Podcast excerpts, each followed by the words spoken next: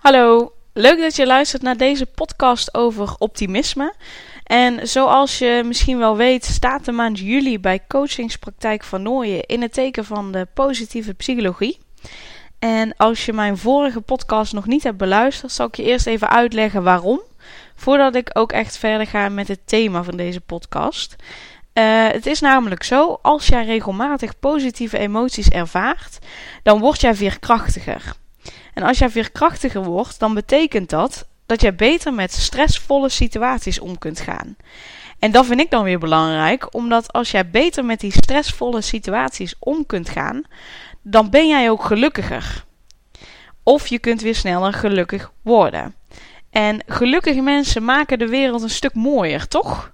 Ik vind dat in ieder geval wel. En daarom heb ik gekozen voor uh, uh, positieve psychologie in de maand juli.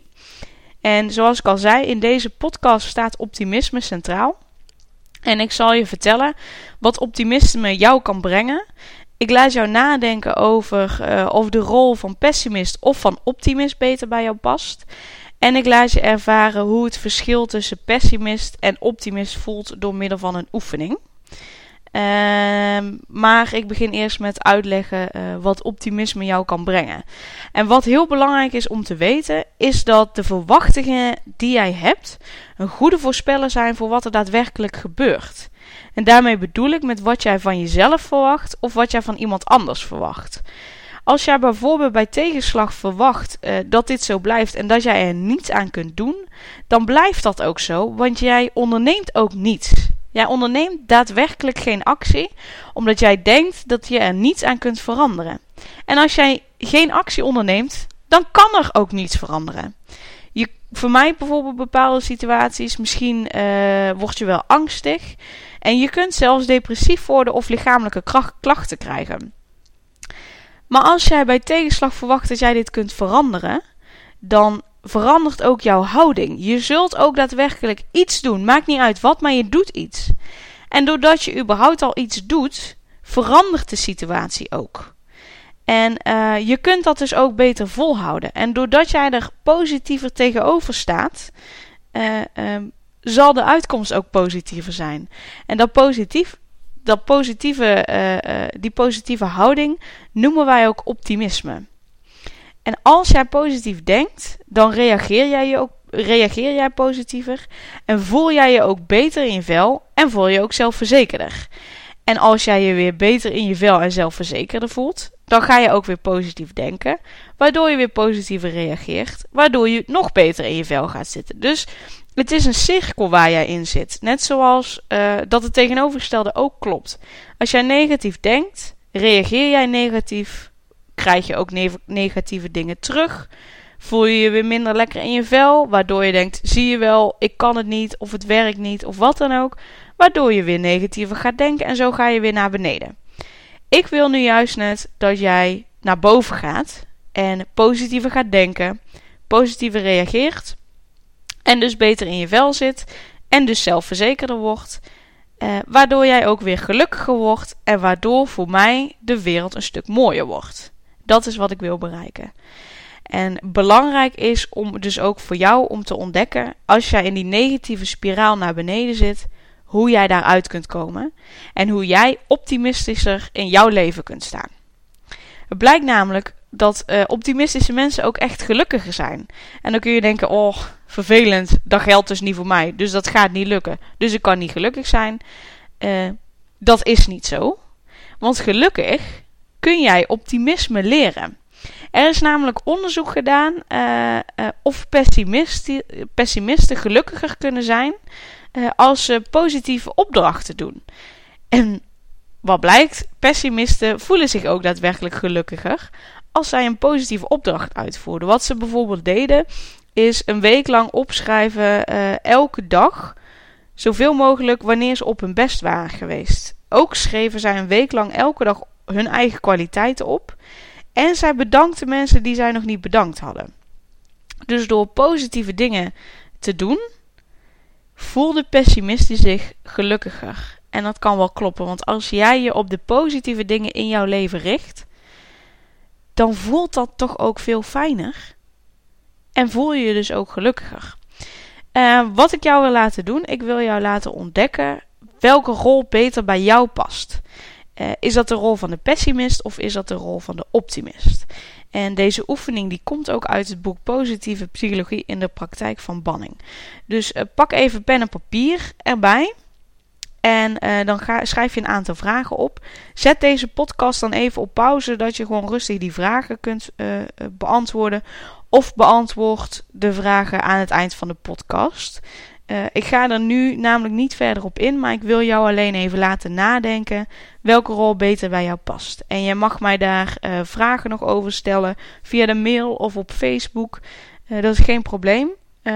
maar ik ga daar hier verder niet op in. Ik wil jou alleen erover na laten denken. heb je pen en papier? Want dan komen hier de vier vragen.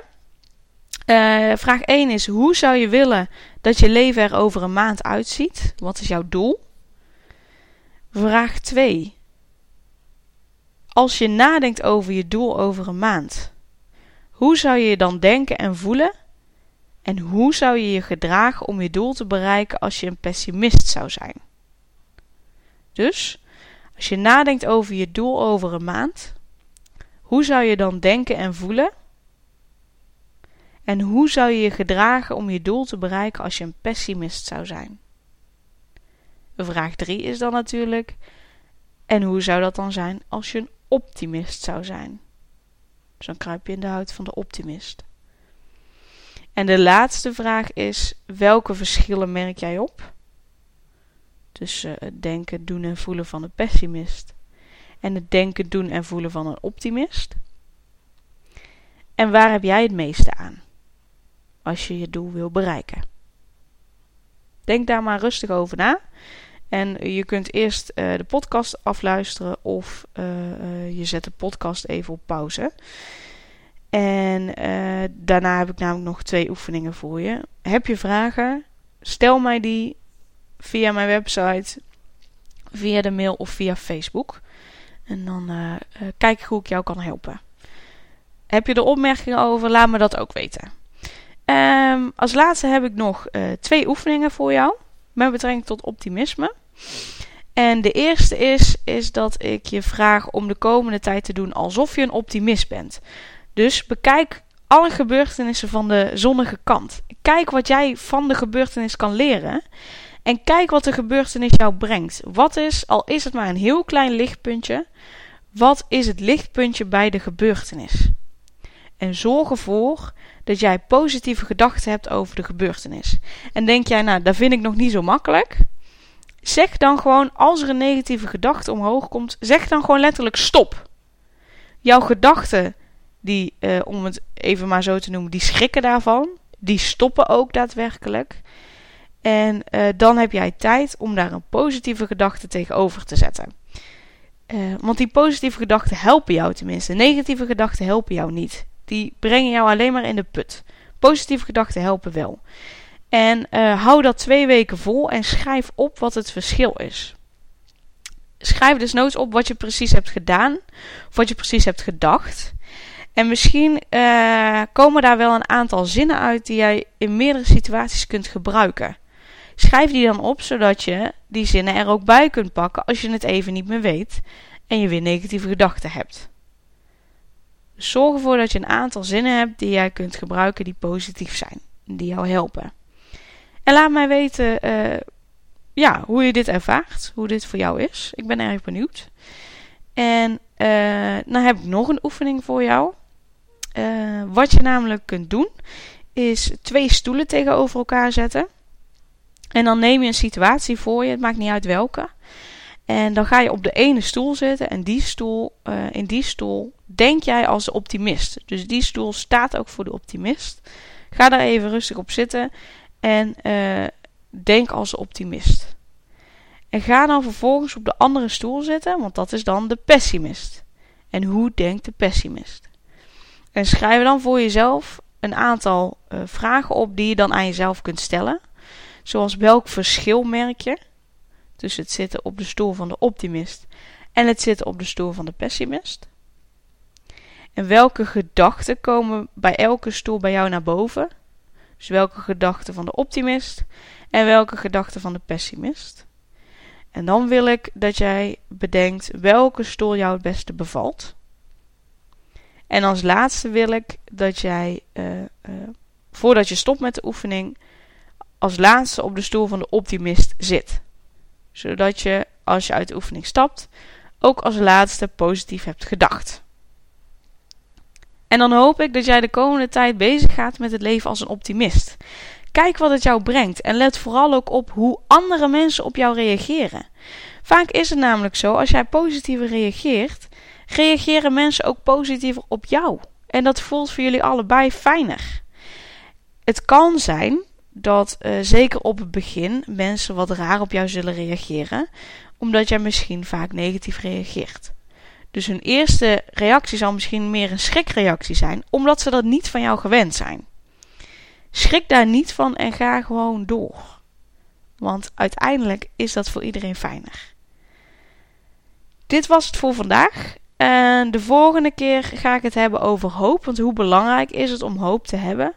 En hoe kun jij meer hoop krijgen? Dus hopelijk horen we elkaar dan weer. En uh, laat mij weten hoe het voor jou is. Echt waar, ik nodig je uit om het mij te laten weten. Heb je vragen, kan ook. Voor nu wens ik jou een fijne avond of een fijne dag. En uh, dan zien we elkaar de volgende keer weer.